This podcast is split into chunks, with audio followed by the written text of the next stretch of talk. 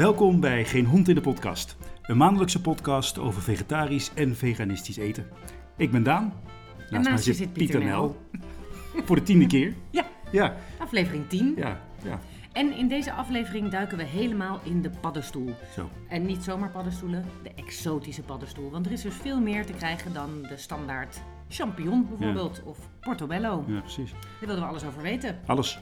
En dus zijn wij afgereisd naar Rossum, Mhm. in het oosten van het land. Want daar zit Paddenstoelenrijk. Een hele leuke, sympathieke paddenstoelenteler. Ja, En eh, daar zijn we mee gaan praten over ja, hoe dat gaat en wat eigenlijk alle mogelijkheden zijn en wat er zo al te krijgen is. En daarna zijn we zelf lekker met de exotische paddenstoel aan de slag gegaan. zo. Aan de slag, zeker aan de slag gegaan. En even gaan kijken van hoe krijg je de paddenstoel, de exotische paddenstoel. Hè? Hoe krijg je die lekker op het bord? Mm. En eh, ja, dat is best wel gelukt, denk ik. Maar we beginnen dus in Rossum. Ja, we zitten hier met eh, Geert Peter van het Paddenstoelenrijk eh, in, eh, in Rossum. Onder de rook van, van, van Salbommel, hè? Ja. Ja. Ehm, ja, een van de grootste paddenstoel... Ja, producenten kan ik niet zeggen. Paddenstoelkwekers. Telers. Telers. Teler, Kijk, een van de grootste paddenstoeltelers van, eh, van het land. Maar dan wel op exoten. Ja, precies. Ja, op De exotische paddenstoel. Ja, Ja. nou, goed dat je dat gelijk... Wat is nou een exotische paddenstoel dan? Eh, het, het verschil is tussen de. Even een korte geschiedenis. In de jaren 50 is eh, vanuit Frankrijk de teelt van champignons naar eh, Nederland gekomen. Ehm, toen is de teelt hier steeds groter geworden. En, eh, totdat wij de grootste van Europa waren en, en ook veel exporteerden. En de teelt van eh, champignons gebeurt op eh, gecomposteerd stro. En eh, de teelt van exoten gebeurt op houtzaagsel. Dus het zijn twee totaal verschillende teeltmethodes en ook de grondstoffen zijn anders. En omdat wij in Europa heel veel champignons eten, is omdat we dus geleerd hebben hoe dat we massaal, hoe dat we dus echt in, in, in bulk die, die paddenstoelen kunnen telen. Als je nu naar Azië gaat, daar zijn dus de, wat wij exoten noemen, zijn daar de, de gangbare producten, omdat ze in Japan eh, uitgevonden hebben hoe dat ze dus de, de shiitake en de maitake en eh, shimeji op hout kunnen telen. En daar en die zijn twee de- kun je ja. niet eh, omdraaien. Dus je kan geen champignons op hout telen en je kan geen exoten op...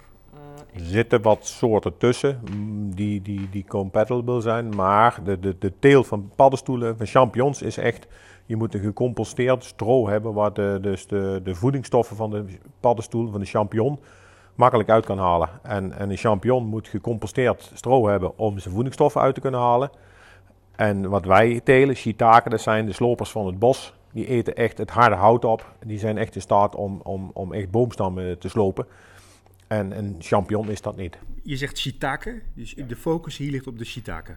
Ja, maar wij telen shiitake, maitake, erengi, eh, witte beukezwammen, grijze beukezwammen, pompon eh, koraalzwam. Af en toe wat gele oesterzwammen of wat grijze oesterzwammen. En als er substraat beschikbaar is, Pio Pino en eh, Golden Inoki. Maar daar hebben we op dit moment geen substraat van. Maar ik, op, met het woord zwam kwam voorbij, dat, dat herken ik natuurlijk. Maar eigenlijk was shiitake de enige naam die ik eh, ken, geloof ik. Ja. Is dat, is dat, is dat, zegt dat iets over hoe de Nederlander met paddenstoelen is? Ja, klopt. Ehm, toen ik hiermee begon, ik ben dus in 86, eh, zijn we deze kweek, hebben we deze kwekerij gekocht. Zijn we hier begonnen met de teel van witte champignons. In 2003 ben ik daarmee gestopt. Omdat ik toen al dacht van, als ik champignonteler wil blijven, zal ik eh, een schaalvergroting moeten doen. Dan zal ik van eh, de 5000 kilo champignons in de week die we maakten naar eh 40, 50.000 kilo moeten. En een complete handel op moeten zetten en een inpaklijn. En nou, nou zijn we dus eh 15, eh, hè, dik 15 jaar verder en nou is dat, klopt dat ook wel. De telers die er nu nog zijn, die zijn eh, allemaal op die schaal en op die grootte.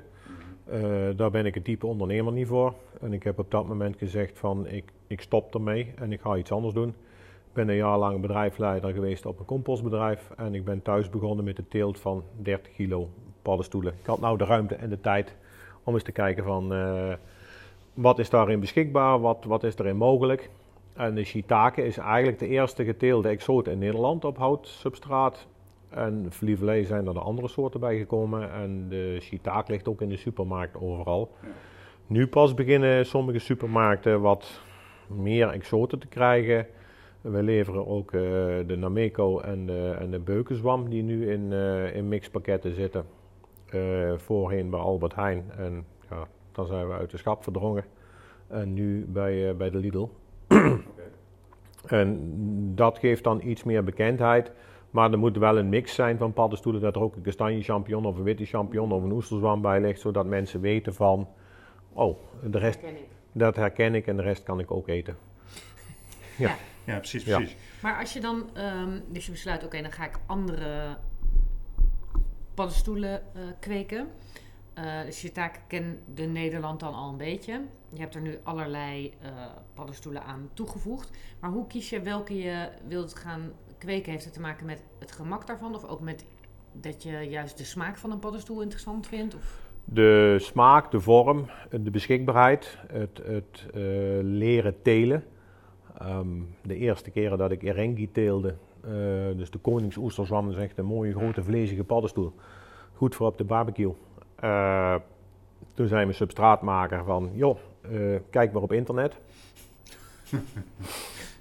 daar zullen wel filmpjes op staan. En, ik heb er, uh, op een gegeven moment ben ik lid geworden van een, uh, van een studievereniging, uh, de Hessische Pielstaak. Dat is een Duitse vereniging. En um, daar hebben we studiereizen mee gemaakt naar, naar China, naar Japan, naar Korea, naar Amerika. Hier in Europa zijn we in veel landen geweest. En dan leer je dus als je dan in, in, in Korea in zijn, in zijn grote kwekerij komt en je ziet dan hoe het daadwerkelijk gebeurt, hoe hun telen, dat je denkt van, oh, zit het zo in elkaar? De, de, ons vak is een heel mooi vak. Je hoeft er niet van de universiteit toe. Het is gewoon leren door je fouten.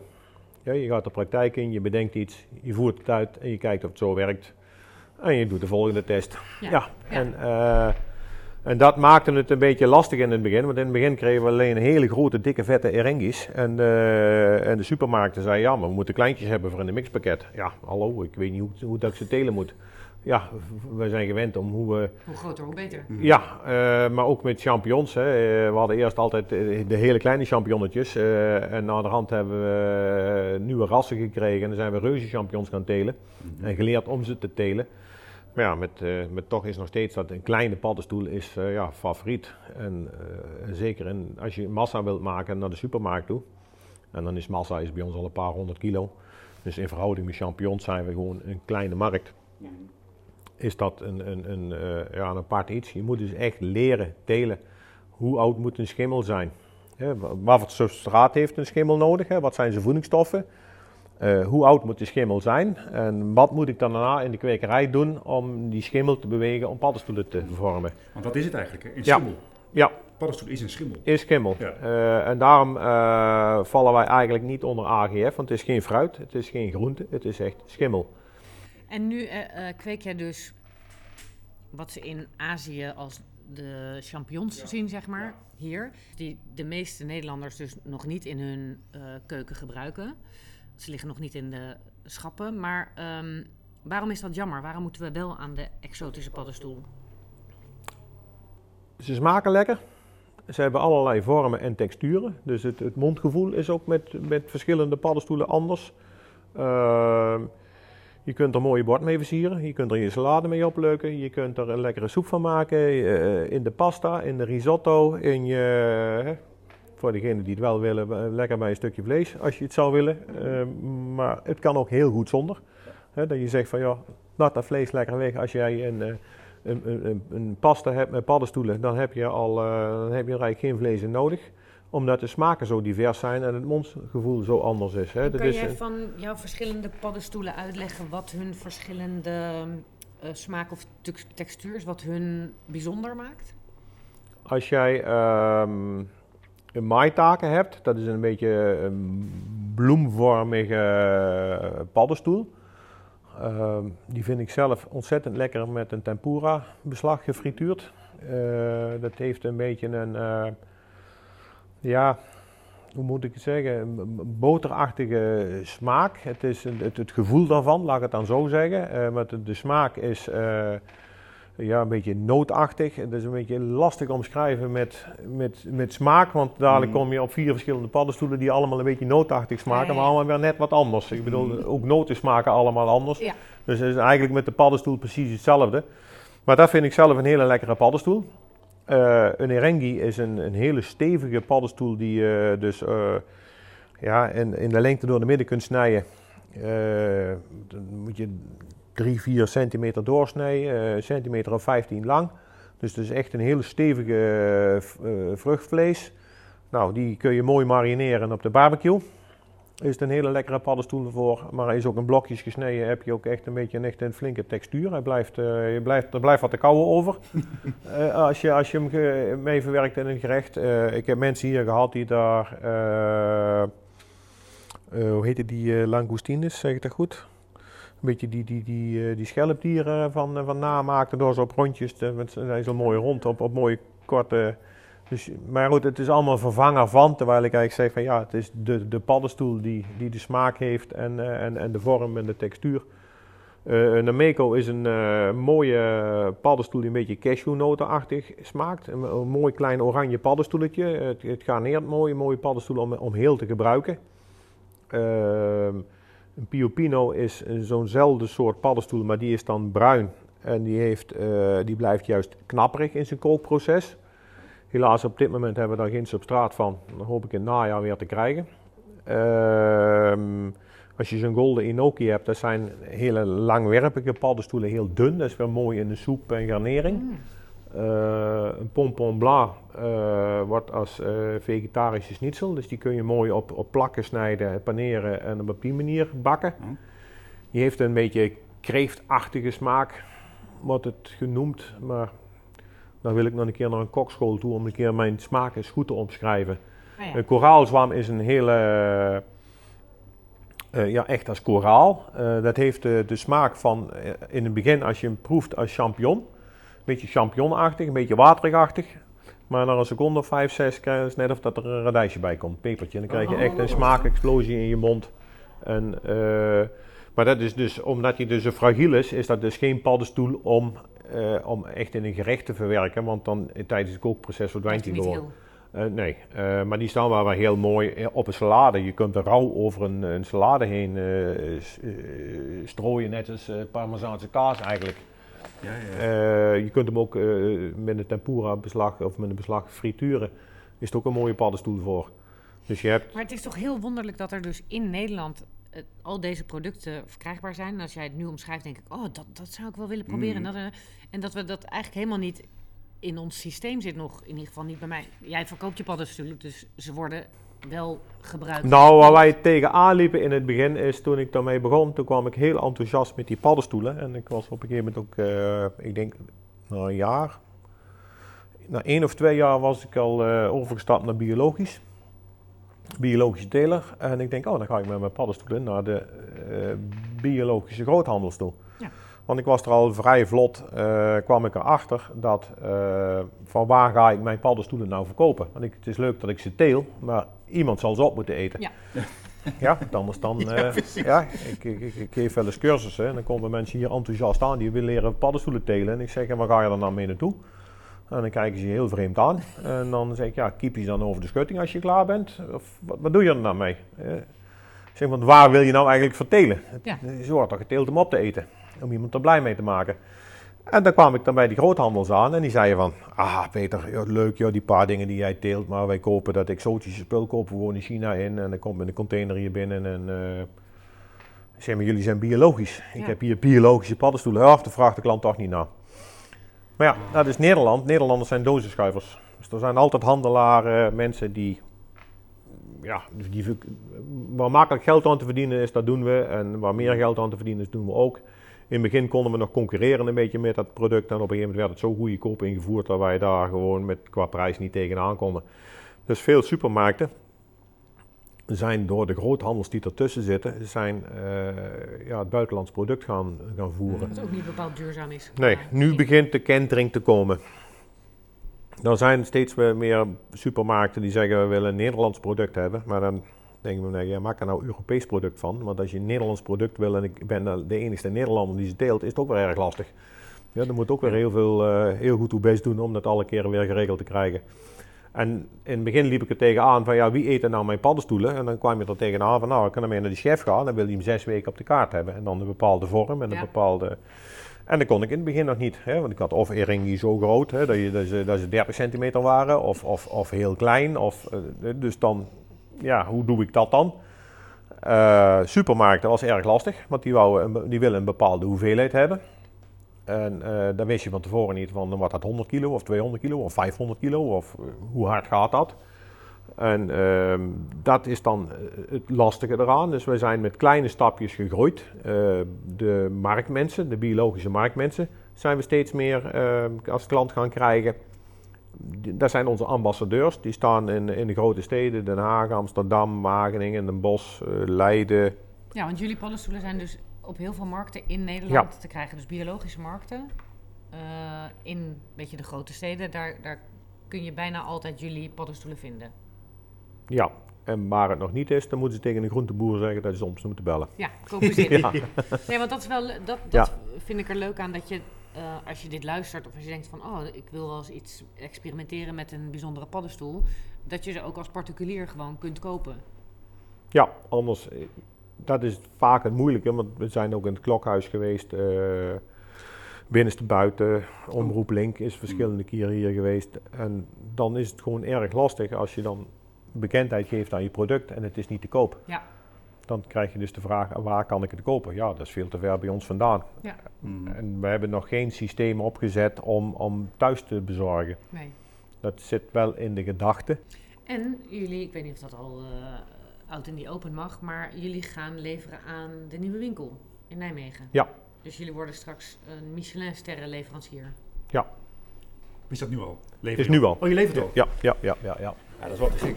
Hij heeft een, eh, een proef eh, meegenomen gehad en daar is de pompom uit voortgekomen dat hij die de komende weken gaat voeren. Zo. Dus ik neem aan dat hij op de menukaart blijft tot zijn nieuwe menukaart er komt. Maar dat is wel te gek. Dat, dat, Ja. Op dat niveau zie je weten te vinden. Ja, en het is een compliment, denk ik. En als je op Michelin-sterrenniveau koopt, werk je alleen met echt goede producten. Want dat, dat, dat zei, we hebben Sydney Schutte gesproken van eh, Spectrum, ook twee Michelin-sterren. Ja. Die zei, ja, het is techniek, maar het is ook voor, voor zo'n groot deel product. Dus het, het goede, juiste product kiezen. Dus dan denk ik, ja, het is wel een compliment voor je telerij, heet dat zo? Je Ja, te- kwekerij. Twee Kwekerij, kwekerij, je dat- teelt, maar je hebt een kwekerij. Ja. Oké. Champignontelers zijn een beetje eigenwijs. Ja. Want even, even terugpakken naar, ik hoorde jou net eh, zeggen, ehm, ja, ik moet even goed nadenken wat ik dan over drie weken wil hebben. Ja. Eh, Staat drie weken, is dat een beetje een gemiddelde voor de groei van een, van een paddenstoel? Ik dacht ineens, Nee. hoe lang doen die dingen er al voor? joh? Eh shiitake is het snelste. Dan ben je na, van opzetten van het substraat. Dus dan zeg je van het substraat wordt in de kwekerij gezet. Dan is shiitake het snelste, dat duurt een week. Een week? Een week. En de, andere- de paddenstoelen varieert van twee tot drie tot vier weken eer je oogsten kunt. Een shiitake is dus van nul naar een shiitake is een week. Ja. Het substraat moet 12 weken oud zijn. Mhm. Dat is een nadeel van de beukenzwam. Dat moet onderhand eh 20 weken oud zijn. Oh, ja. En dan duurt het vijf weken eer dat je de teelt weer eh, klaar hebt en dat het substraat weer naar, eh, naar buiten gaat, wat afgewerkt is. En de soorten die ertussenin liggen, dat varieert van hele snelle soorten. Mm, Een golden enoki is ontzettend snel, die is met drie weken substraat ongeveer goed, drie, vier weken. En dan na 14 dagen heb je paddenstoelen. Dus dat, dus dat gaat heel snel, dus daar kun je heel snel mee schakelen naar soorten die echt ja, de gemiddelde soorten duren eh, zes, zeven weken dat het substraat goed is en dan drie weken eer je de paddenstoelen hebt. Want, want, want seizoenen, ehm, niet alle paddenstoelen zijn het hele jaar dan beschikbaar.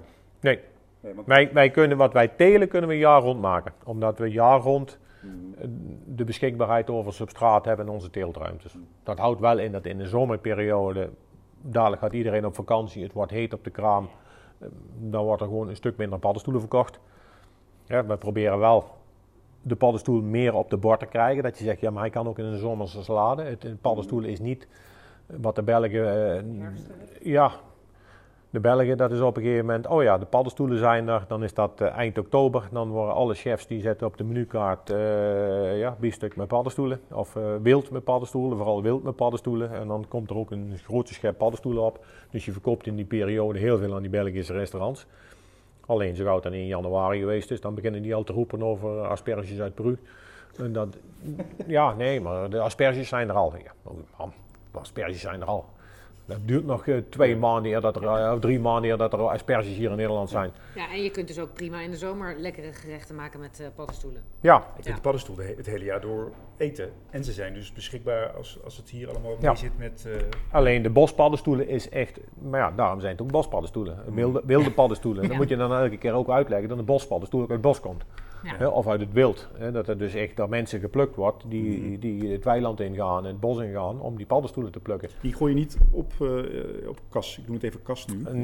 nee, de, de, het, het verschil met, uh, met onze paddenstoelen en de bospaddenstoelen, om het zo maar te zeggen, is heel simpel.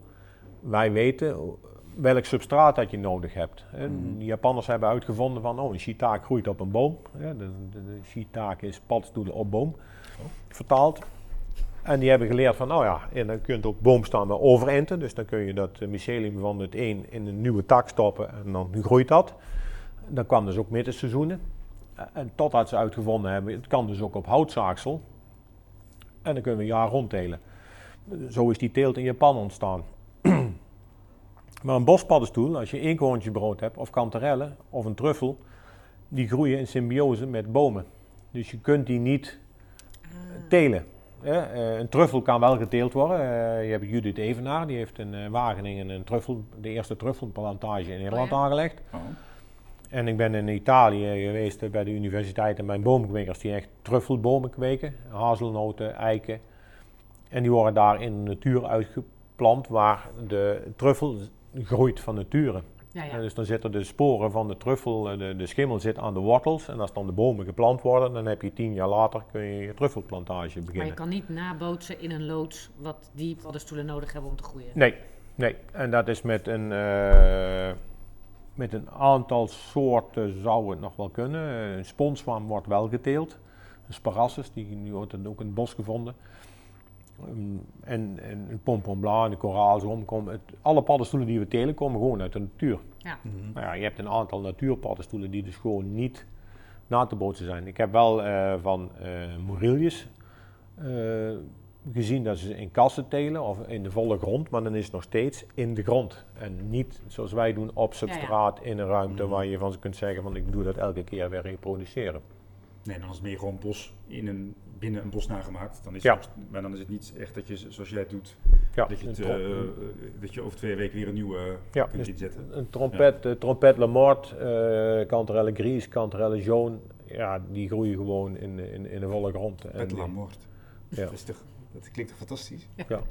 En als ik nou, ik ga naar een biologische markt en daar verkopen ze jouw paddenstoelen. En dan liggen er dus best wel heel veel. En heel veel paddenstoelen in vormen en kleuren en smaken die ik nog niet ken met welke paddenstoel ga ik dan beginnen? Waar kan ik iets mee maken dat je denkt, nou, dat is meteen, dan snap je meteen waarom het zo lekker is? Wat we eigenlijk doen is voor de mensen die twijfelen, hebben ze een snijmix op de kraam liggen. en, dan ze, en dan hebben ze alle gedeelde paddenstoelen bij elkaar zitten. Want als je daar de wilde paddenstoelen bij gooit, kijk, een wilde paddenstoel, een, een, trompelle moord, dat is een mooi eh, trompetje. Daar kan nog wel eens zand in zitten. En dat is met de marille en met de kanterel ook. Dus die moeten op, toch wel goed schoongemaakt worden. Kijk, en, de paddenstoelen van ons zijn gewoon allemaal schoon. En die worden in stukken gesneden. Zodat ze in de pasta verwerkt kunnen worden. Of in de soep. Of net wat je ermee maken wilt. En dan beginnen mensen de smaak te leren kennen. En dan kun je dus de stukjes proeven. En dan zeg je van, oh, ik vind die lekker. Of ik vind die lekker. Want je hebt dus met zoveel verschillende smaken. Ja. Kijk, de pompon die wij zijn. Daar heb ik mensen van die zijn er speciaal voor gereden komen. Uh, naast de gezondheidsaspecten die die paddenstoel heeft, maar ook de smaak. Dat die zeggen van, oh, ik vind die geweldig. Zeggen er andere mensen, zeggen van, oh, die niet meer. Ja, ja, ja. ja? Dus, je, de, dus je hebt mensen die, die, die, hem uitgesproken lekker vinden en mensen die hem haten, om het zo maar dus te zeggen. Er zijn zo verschillende ja. dat je eigenlijk echt zelf even moet gaan kijken van welke paddenstoel past bij mij, vind ik lekker. Ja, wat, wat vind ik echt lekker. En dan kun je dus, zie je dus dat mensen ermee aan het koken gaan en het uitproberen gaan en zeggen van nou... En ze vragen advies van ik ga uh, dat of dat koken, uh, welke paddenstoel smaakt daar lekker bij.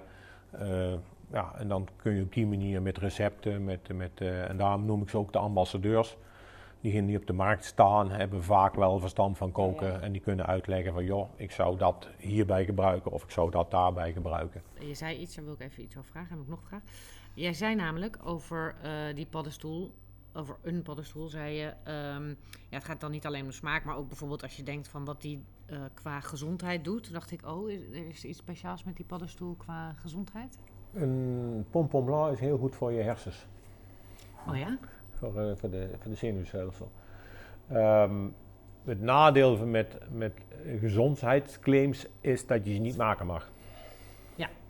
Ik mag niet publiceren en praten over de, hoe gezond paddenstoelen voor je zijn of de medicinale werking van paddenstoelen.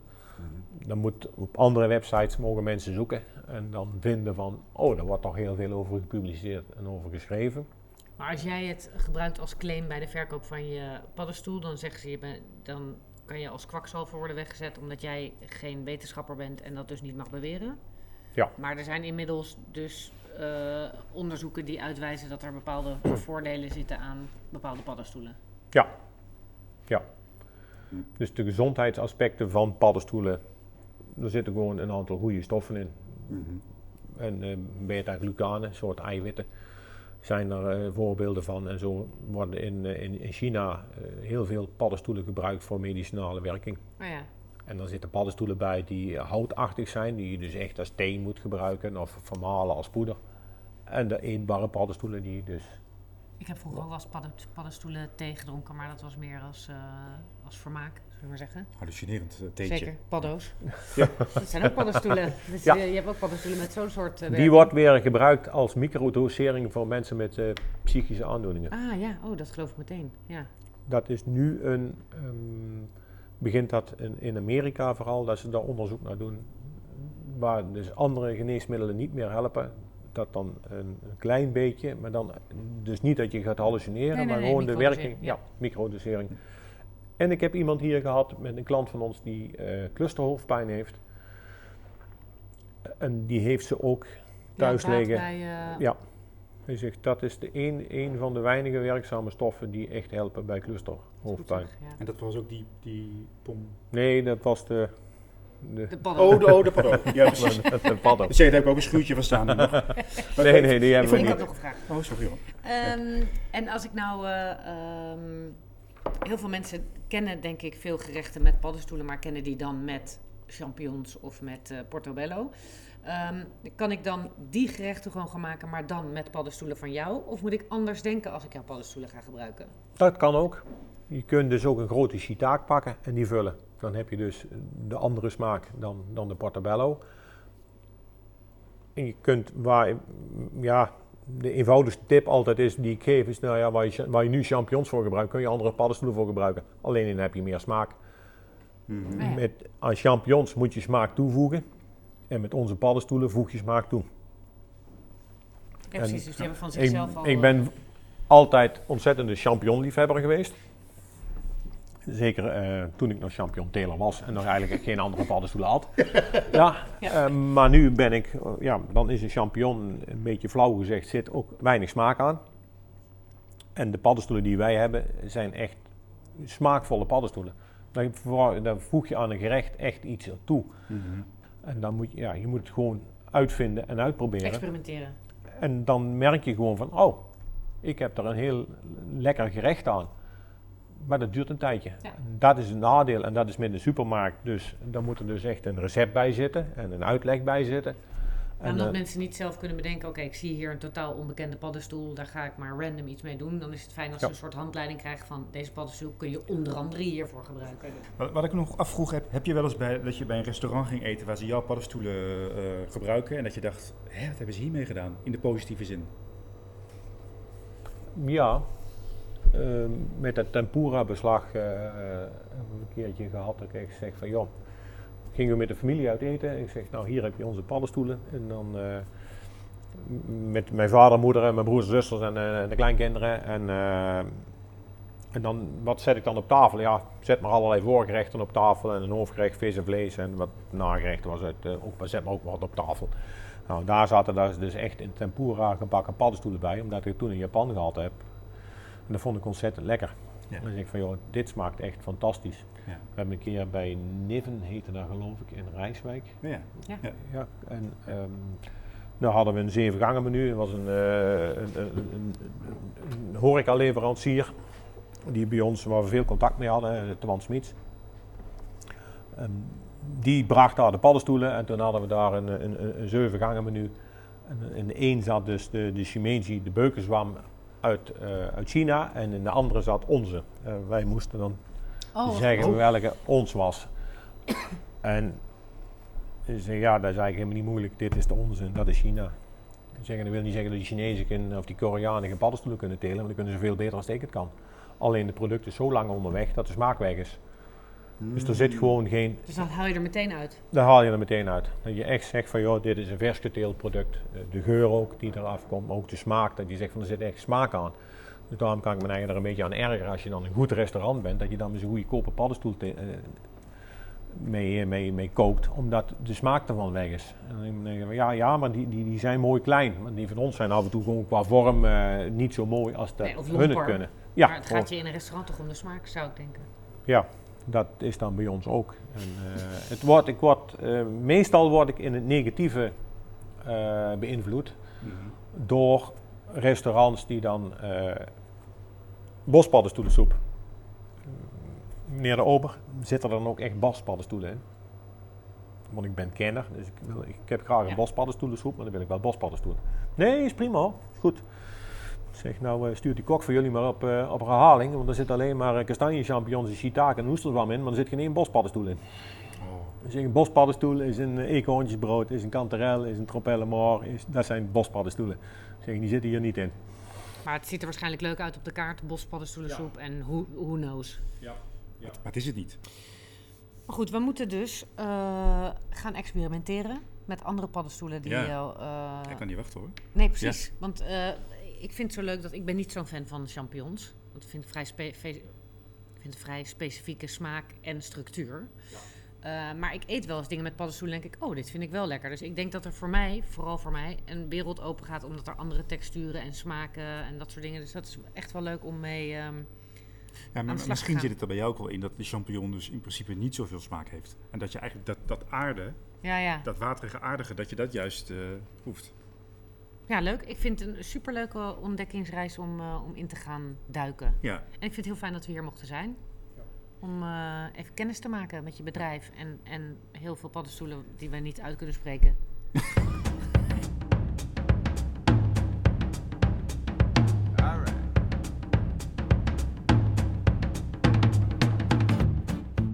Ja, dat was het uh, Paddenstoelenrijk. Dat was mhm. een hele leuke ochtend. Ja, echt wel leuk. We zijn uh, na dat gesprek ook nog even meegenomen naar de cellen waar de paddenstoelen groeien. Ja. Dat had ik nog nooit gezien, dus dat vond ik heel leuk om te zien. Er stonden allemaal stellages en dan zitten er in zakken of uit zakken groeien eigenlijk allerlei ja, zeer wonderlijke vormen, kunnen we wel zeggen. Mhm. Niet de standaard paddenstoel.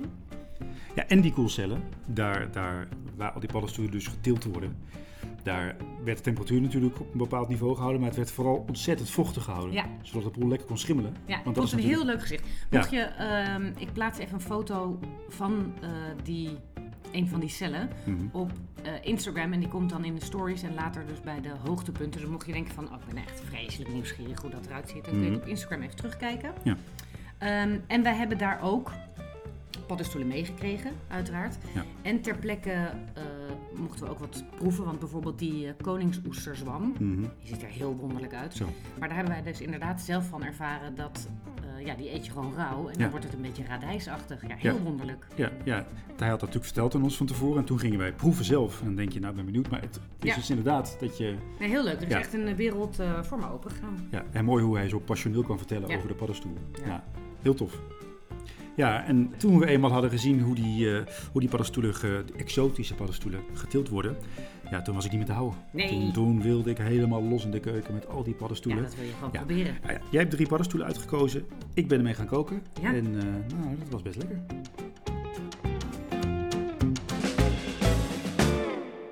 We gaan paddenstoelen eten. Ja. Dat is niet verrassend. Nee. En jij uh, bent helemaal in charge geweest van het koken. Mm -hmm. Wat uh, heerlijk is, want ik kon gewoon helemaal achteroverleunen. Mm -hmm. We gaan drie hoofdgerechten met exotische paddenstoel eten. Mm -hmm.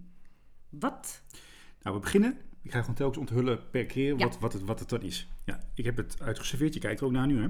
Dit is de, de, de sticky shiitake met gember uit de wok. Nou ja, wat je al, het zal niet verrassen dat er shiitake in zit. en, um, ja, want het is, op mijn bord ligt nu um, witte rijst met daarop zeg maar dan de um, paddenstoelen. Die zien er overigens niet meer uit als een paddenstoel, Nee. maar gewoon een soort van, ja, het klopt helemaal wat er staat. Sticky. Ja, het glimt, het ziet er plakkerig uit. ja. Nou, dat, Het is dat- heel donker. Ja, kijk, het, het, het is donker, eh, mede door de eh, donkere bastardsuiker die erin zit. Ehm, en eh, er zit ook sojasaus doorheen. Dat helpt vaak ook wel om het een donkere kleur te geven. Dus eh, ja, sesamolie, knoflookje, salade-uitje. Komt allemaal op de website, hè? Ja, precies. Maar ik dacht, ik geef Ja, het even mee we gaan eten. Eh, nou, En hoe lang ben je hier nou mee bezig? Is dat moeilijk om te maken? nou, omdat ik dit voor de eerste keer maakte, was ik een beetje zo aan het kijken op het recept. Maar als je dit gewoon... Nee, ik denk dat, dat dit in principe in een half uur te doen moet zijn. Oké. Ja. Het is grappig, want ze zitten dus echt ook aan Oh elkaar ja, geplakt. Kar- Ja, je moest ook wachten tot de bastardsuiker gekarameliseerd was. Nou, Ja, dat dus het is helemaal Het is het is echt een plak, plakkerige Troep. paddenstoelen. Dit vind ik waanzinnig lekker. Ja, ik ook. Het is heel grappig, want het is ehm, hartig, maar het is ook een beetje alsof je snoepgoed aan het eten Ja. bent. Ja, Door dat gekarameliseerde. Maar ik kan niet zeggen dat, dat, dat je echt zoet zit te eten. Maar het is ook eh, de... ehm, het zit dus in een sticky eh, dressing, zou ik maar zeggen. Ja. Ehm, die is heel lekker, maar daardoor... eh, die, dat blijft ook een beetje aan de rijst zitten. En daardoor is die Mhm. rijst ook heel lekker. Er zit meteen een soort van dressing bij je rijst. ja. Ik vind het ook super lekker. Toen ik de eerste hap nam, dacht ik, wat een hele gekke... Dit is niet iets Ja, waarvan omdat het ook doet- knapperig is. Het is dus Ja. best wel hard, maar ook niet echt hard. Ja, het is, het is niet iets wat je vaak eet, deze Ik zit te substantie. kijken hoe, je, hoe eh, de luisteraar nu het idee kunnen geven. Dit soort substantie is het, maar... Ja, ja, nee, ja. Ja, gekarameliseerd, dat is het wel echt. Dus het is een beetje knapperig van buiten, maar ook niet echt. Want als je bijt, hoef je niet iets door te Nee, bijten. De paddenstoel komt dan... eh, Ja, terwijl ik zit niet een paddenstoel te eten voor mijn gevoel. nee, dan zit je dus wel. Ja. Je zit gewoon hardcore shiitake te eten hier. Ja. Ehm, Het enige gevaarlijke van dit gerecht vind ik dat die nu als eerste is geserveerd. En je hebt gewoon een heel hoofdgerecht uitgeserveerd. mhm. En ik ben nu geneigd om het helemaal op te gaan eten. Maar Ga ik krijg nog twee hoofdgerechten. Ja, dat, dat komt helemaal goed. Die zijn, ook, die zijn namelijk ook subliem. Ik denk overigens, ik heb nog even een hapje genomen, dat dit ook wel een gerecht is waar je niet-vegetariërs heel enthousiast mee krijgt. Dus Ja. dit is iets waarbij je absoluut niet denkt van, oh, daar moet een stukje vlees in of ik mis iets of weet ik wat. Het is gewoon op zichzelf een waanzinnig lekker ding. Ja. Ehm, dus ik denk wel dat als je gaat koken voor mensen die een beetje sceptisch zijn eh, en je, je serveert ze dit, dat ze wel denken, oh, oké, Mhm. Nou, het is ook nog eens vegan. oh, wat Ja. goed. Dus dat, eh, ja, helemaal eh, vegan. Nee, dus dat, eh, ja, ik, ik neem toch een hapje hoor. Ja, Ja. ik- ik- Het is ook echt wel echt volwaardig. Jij zou als je het serveert nog iets van groente of zo, of salade er werd daarnaast. een Waldorf salade getipt. In het recept eh, werd een eh Waldorf salade of een witlof salade getipt voor de bij. En dat kan Hmm. ik me iets bij voorstellen, want het is best wel een, eh, ja, jij zei het al, kerstachtig gerecht. Het heeft iets heel zwaars. Eh, bedoel, wij eten het nu in eh, augustus, maar dit zie ik ook behoorlijk goed met kerst. En dan kan ik me voorstellen dat een hele frisse salade erbij een hele welkome afwisseling is. Maar het is wel belachelijk lekker. Ja. Jij zei, ik zit nu geen paddenstoel te eten, maar ehm, proef je de paddenstoel? Heb je het gevoel dat je paddenstoel... Nee, ah, Ja, het is een goede vraag, want ik heb niet het gevoel dat ik paddenstoel zit te eten. Dus wat ik normaal niet zo lekker vind aan paddenstoel. Ehm, maar het is niet dat ik helemaal geen paddenstoel eet. Het is niet dat het nu ergens in is. Dus als je iets helemaal vermaalt en je doet er heel veel suiker bij... en dan vind je echt, ja oké, zo proef je er niks meer van. Dat is ook niet de bedoeling. nee. je zit nog steeds wel paddenstoel te eten. Want vergeet niet, de- het lijkt dus een hele grote substantie met, met gekarameliseerde toestand. Dat is puur het randje. Dus alle stukken, die, stukken, ik denk heel goor, maar alle stukken die je ziet, dat is echt puur shiitake. Ja. Dus alle, wat erin zit aan lente, ui en dat soort toestanden, dat is heel klein gesneden voor, om die, die, die, ja, hoe noem je het? Uh, dressing? Ja, huls? Nee. Huls, kap. kap. dus we eten echt, dit eten echt hardcore paddenstoel nu. Maar ja. Heerlijk. Nou, inmiddels staat het tweede gerecht ja. voor ons. Hierin herken ik wel duidelijk meteen paddenstoeletjes. Ja. Um, en toen jij aankwam, rook het een beetje naar een uh, Spaans visrestaurant. Ja, dat, dat, dat, dat, dat, ja dat, dat weet ik verder natuurlijk niet. Kijk, het gaat uh, heel erg kijk, Wat er voor je staat zijn, uh, dit zijn gewoon beukenzwammen en aardappeltjes uit de oven. En het gerecht heet beukenzwammen en aardappeltjes uit de oven. Oké. Okay. Um, ja, wat erin zit is witte wijn, is rozemarijn, naaltjes, mm -hmm. knoflook, een beetje olijfolie, ja, dus wat, nee, ik denk dat echt de paddenstoeltjes... Het ruikt heel erg naar uh, een octopus uh, recept. Oké, okay, ja. ja. Ik heb geen idee, maar, het, het is dus een beukenzwam. En je hebt ze net ook gezien toen ze nog niet in de oven waren geweest. Ze zijn inmiddels ook uh, ja, verkrompen, zoals je ziet. Ja. Dus het, uh, nou, bon. Ja, ik kijk naar jou, want jij, jij mag... Voor mij mag je eerst wat gaan roepen nu. Um, prima. Daarmee is alles gezegd. Ja. Nee, ja, ik vind het gewoon niet zo bijzonder. Dus het is, um, ja, het is precies wat het zegt. Aardappeltjes met um, paddenstoeltjes. En dan die knoflook is natuurlijk lekker en zo. Mm.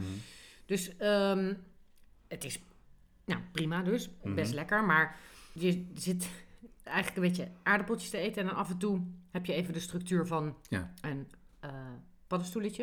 Ik moet wel zeggen, het, het geeft de aardappels wel echt een andere smaak, want er zit ook een andere smaak in. Ja. Ik zelf, ik, het is eh, zeker vergeleken met net, met dat gerecht wat toch wel uh, nieuw was ook. Ja, en subliem. Subliem. Er zit gewoon heel... Um, Basic. Je zou bijna het woord aardappel anders in de mond kunnen nemen. Weet je, die potten die je vroeger had. Ja, maar dat is dan drijft het in een soort dikke saus. Dat heeft dit niet. Nee, maar het is wel de basis is aardappel en niet paddenstoel. Ja. Dus je verhouding klopt niet. Althans, is wel volgens het recept, maar zou ik dan mhm. niet doen. Um, nee, het is eigenlijk gewoon aardappeltjes met wat extra's. Dus als bijgerecht is dit prima. Dus als je iets hebt gemaakt en je hebt als bijgerecht... wil je aardappeltjes en je aardappeltjes vind ik een beetje te simpel. Dan doe je aardappeltjes met dit en dan zeggen mensen... oh, wat lekker, wat een goed idee. Maar het is niet een gerecht op zichzelf. Het is een leuk bijgerecht. Ja, ja helemaal eens. Overigens wel makkelijk genoeg om te maken als bijgerecht, toch? Want het is een beetje aardappeltjes... Uh, beukzwammetjes en dan dingetjes. Uh, ja, het, het, moet een tijdje in de oven, maar dat, te maken is het niet. Dus bij het uh, recept wordt er getipt een lekkere gemengde groene salade met een walnotendressing. Nou ja, mijn tip zou dus zijn... Niet doen. Nee, maar zet dit als uh, bijgerecht. Dus als je... Of je maakt iets anders, je hebt dit als bijgerecht. Of je zet allerlei dingen op tafel. Want het is wel heel gezellig als je in de zomer allerlei dingen... Dus wat, wat zoals um, in aflevering 4 uit mijn hoofd werd getipt. Als je vegan wil koken, is het slim om allerlei allerlei gerechtjes neer te zetten. En dan is dit een hartstikke lekker gerecht om er ook bij te zetten. Ja. Maar ik zou dit niet als basis nemen en dan denk ik, doe er nog een beetje een salade bij. Nee, precies. Dat is teleurstellend. Maar goed, op naar het derde gerecht. Ja, dat wordt, dat uh, wordt wat, hè? Spektakel, joh. Oh, je ziet me over 3,5 uur weer terug. Want het is heel veel werk. Zo, zo, zo, zo, zo, meneertje. We zijn mhm. ineens overgestapt op de high cuisine. Ja, visueel in ieder geval. Ja, nou, ik verwacht, de verwachtingen zijn ja, uh, nu hoog gespannen. Ja, zeker. Wat, wat is dit? Dit is een, um, een puree van asperge. Hmm. Asperge met knoflook. En uh, daarop uh, tref je aan de koningsboleet, de paddenstoel. En maar niet de hele paddenstoel, het is zeg maar... Plakjes van, ja, het zijn, ja. Het zijn plakjes van centimeter of twee, zal het zijn. Ja. Tweeënhalf. Um, van de koningsboleet, die is in de oven geweest, een dik half uur. Met wat olijfolie, zout. En plakjes gesneden daarna. Nou, die liggen dan op zijn kantje, liggen die erin. Uh, spitskool met rozemarijn. En, en, en het is gedecoreerd ge, ja, mm -hmm. met uh, twee olijfolies die ik zelf heb gemaakt. Althans, ik heb de olijfolie niet zelf gemaakt. Nee. Maar uh, allerlei kruiden. Maar die zullen ook iets toevoegen, denk ik toch? Want er zaten hele sterke kruiden er in. Er zat onder andere... Um, Maakt niet uit, mensen kunnen het zien op de website. paprika, poeder, uh, cayennepeper, dat soort dingen. Maar het is qua kleur ook wel mooi, hè? Ja, het is heel mooi. Het ziet er echt heel fancy pansy uit. Ja, precies. Ja. Ik ga gewoon... Het ziet er ook niet echt als een paddenstoel eigenlijk, hè? Ja, dit ziet er dus een beetje uit als. Ik weet dat het dus eigenlijk niet mag vergelijken, want je wilt gewoon als een product op zichzelf staand zien. Mhm. Maar dit ziet er een beetje uit als coquille. En ik denk dat, um, dat hij dat eerder in de uitzending ook bedoelde toen hij zei. Um, Langoustine. Langoustine, ja, bedoelde ook hier. Dus het ziet er een beetje zo uit, zo rond en een beetje die, ja, ja. die dikte. Ik ben benieuwd. Ik zit jou aan te kijken. Ik zie jou een beetje uit een ooghoek te kijken, omdat je weet dat dit een structuur is die normaal gesproken toch met je dat... Bij jou dat niet doorheen zou komen? Nou, ik weet het niet, want um, je moet er best wel even je best voor doen. In de zin van, je moet er wel even op kouwen, maar het heeft toch ook een beetje dat paddenstoelachtige. Voor mij zei, zei hij in het interview letterlijk ook dat, je er wel, dat het wel even echt een ding was. Ja, dat je even echt iets in je mond hebt, zeg maar. Um, maar gek genoeg, ja, ik associeer dit dus een beetje met, um, met vis. Niet met vis, maar met, met van die uh, coquilles, zeg maar. Die zijn wel iets zachter meestal. Mm -hmm. Maar iets tussen coquille en inktvis in misschien. Qua hoe het in je mond voelt. Kijk, alles eromheen. Die aspergemousse en die um, hele krachtige olijfolie en spitskool. Dat is allemaal super lekker. En die paddenstoel is ook uh, lekker, maar die maakt niet het gerecht, toch, in deze? Nou, gaat op het gebied van structuur. Ja, dat als, zeker. Als het je ding is. Want deze structuur is, nogmaals, ik heb geen idee hoe ik het moet vergelijken naar mm. dat, wat jij zei. Maar de structuur is voor mij ook nieuw. Dit, dat echt, dat, het is dat het, het heeft niet de, kijk, waar ik altijd bij die vegetarische, uh, na, uh, noem je dat, vervangers, wat een beetje moeite mee heb.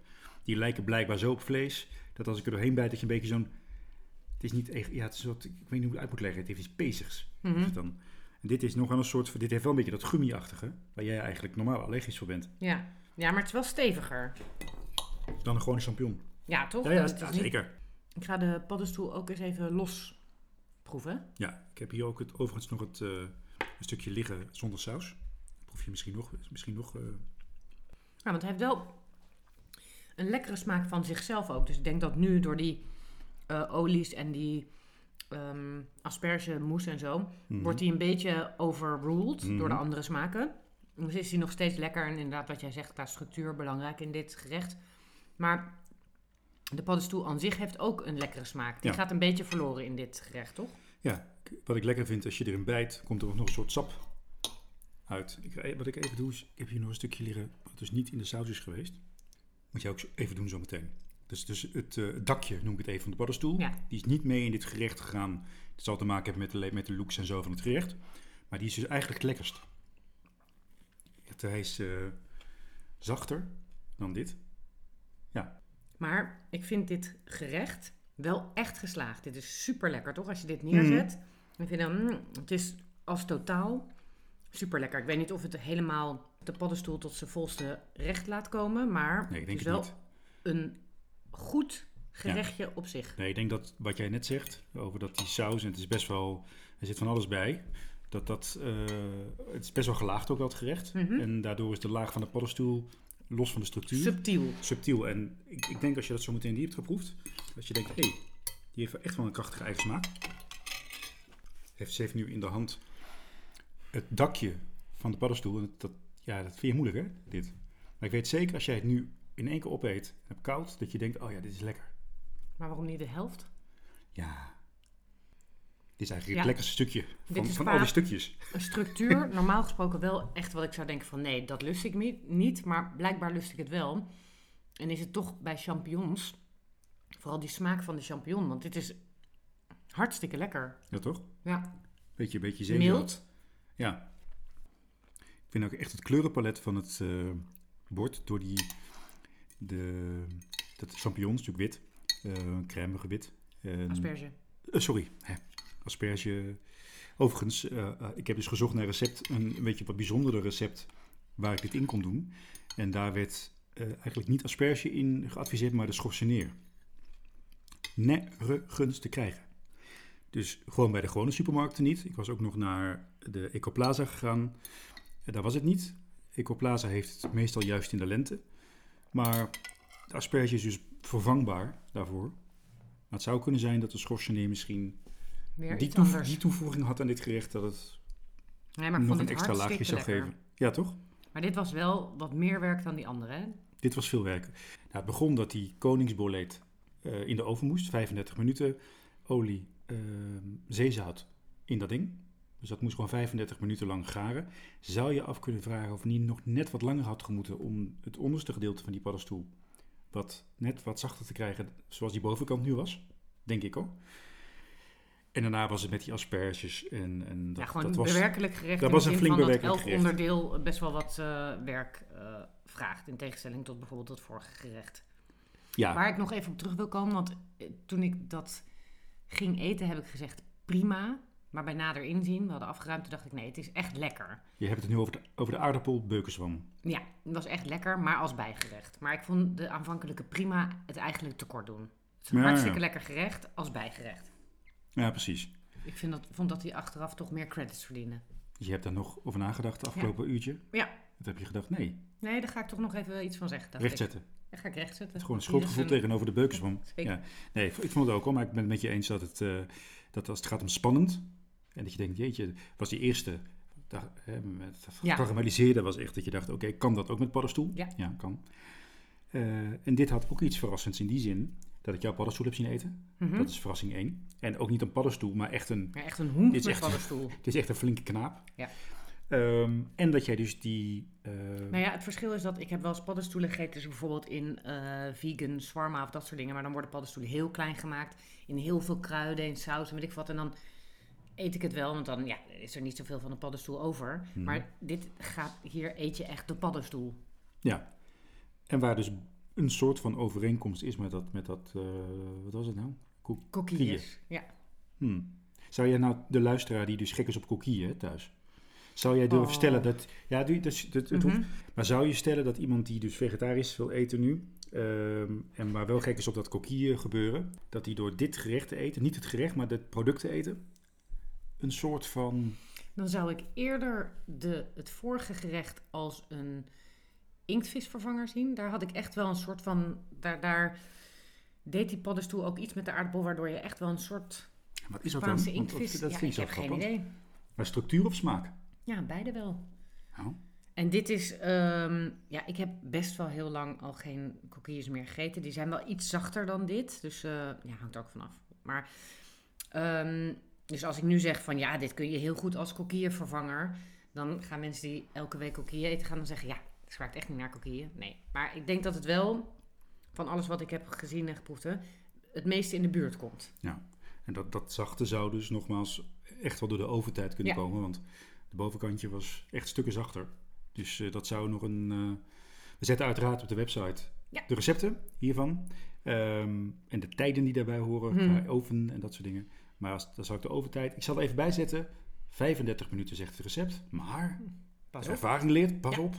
Uh, maar ja. de ervaring leert dus ook dat het wel heel leuk is om met dit soort exotische paddenstoelen te experimenteren. Want we, ik heb nu drie dingen gegeten. Nou, inmiddels. Nou, nee, nou, ja. Nou, net. Ja. nee, ik heb echt drie dingen gegeten die ik nog nooit eerder heb gegeten. En die echt wel een ontdekking zijn. Ja. Maar goed, we hadden het net even na het eerste gerecht, de sticky shiitake, over de feestdagen. Mm -hmm. Ik moet er nog steeds niet aan denken, want ik zit helemaal in de zomer nog. Um, Stel nou dat je inderdaad dus een, een dan, dan zou dit sticky ding zou Die sticky die staat nu al op mijn lijst om een keer te maken voor uh, niet-vegetariërs. Of okay. niet-vegans. Omdat ik denk, ja, dat is gewoon echt een super lekker gerecht. Wat iedereen lekker vindt. En waar uh, welke vleeseter dan ook niets over te mekkeren heeft. Nee, precies. Want dit, dit laatste gerecht met die uh, asperges en die koningsboleet... Mm -hmm dat, is, dat zou je met een iets kleiner maken een tussengerecht kunnen ja, maken. zeker. Uh, nou ja, die, die aardappel uh, als, bijgerecht. als bijgerecht. Welke plek in... Laten we even zeven gangen nemen. Stel dat je een zeven gangen kerstdiner maakt. Mm -hmm. Welke plek zet je dan dat ding, die, die eerste dan weg? Het lijkt bijna een dessert. Nee, maar dat kan niet in een zeven gangen. Dat is te zwaar daarvoor. Dat dan, kan dan, alleen als hoofd.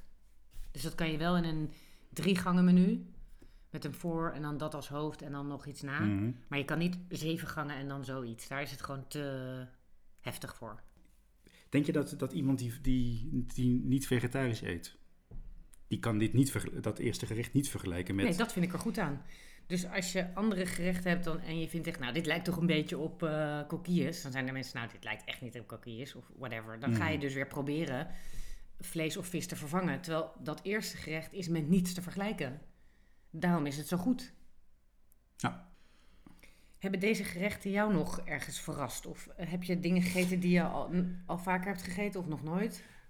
Nou, in principe alle drie nog nooit. Dat wil zeggen dat die, die, die aardappel en die beukenswam combinatie echt wel een hele eigen smaak had. Kijk, gebakken aardappel zetten over, mm dat uh, ken ik al wel 42 jaar. Maar bij deze combinatie dacht ik, oh, dat is een lekkere toevoeging. Ja.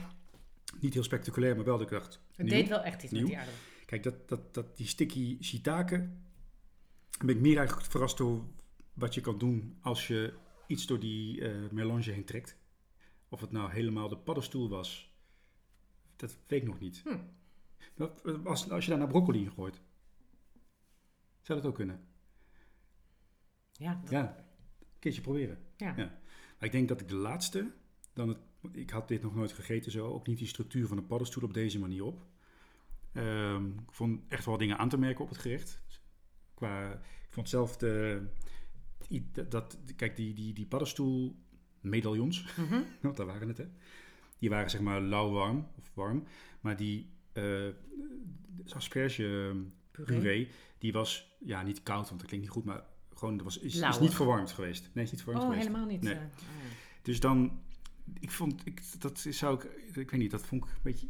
Dan moet het of warm of het moet koud. Maar nu was het was de, puree koud en de paddenstoel lauw. Waardoor je denkt, oh, dat heeft te lang in de keuken gestaan. Ja, of het hoort gewoon niet bij elkaar. Kan ook nog.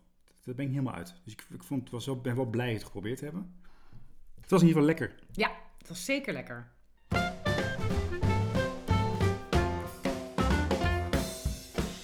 Nou. Dat was hem. Dat was hem, aflevering 10. Aflevering 10. Ja, we gaan... Uh, ik heb heel slecht nieuws voor de luisteraars. Uh, ja, dit was de laatste aflevering van Geen Hond in de podcast. Seizoen 1. Seizoen 1. Nee, we wilden even op een soort van zomerstop, maar die is eigenlijk best kort geworden, want we hebben er met corona natuurlijk even uitgelegen. Mm Dus nu wordt het een soort van één maand niet en dan weer wel. Dus het slaat eigenlijk nergens op. Het is meer vakantie dan een, dan een zomerstop. Ja. Dus met andere woorden... Uh, we komen terug. We komen terug. In september even geen, geen hond in de podcast. Hm. Maar in uh, oktober zijn we weer terug. Uh, op een, in een iets andere vorm dan nu. Ja, dus nu doen we één keer per maand een hele lange podcast. En dat vinden we zelf heel leuk om te maken, maar het is eigenlijk niet zo handig om te luisteren. Dus we gaan naar een paar keer per maand een kortere. We gaan eigenlijk de items als losse podcast aanbieden in plaats van een uur lange podcast met vier items. Ja, precies. Dus dat, uh, dat is de vorm waarin we in oktober terugkomen. Uh, willen komen. Ja, als we dan nog leven. Uh, we zijn natuurlijk op uh, Instagram te volgen en op uh, geenhondindepodcast.nl. Ja, en bij vragen, klachten, mededelingen eh, of wat dan ook, kun je een e-mailtje sturen aan mail.geenhondindepodcast.nl. Dat was hem even voor nu. Ja, tot oktober.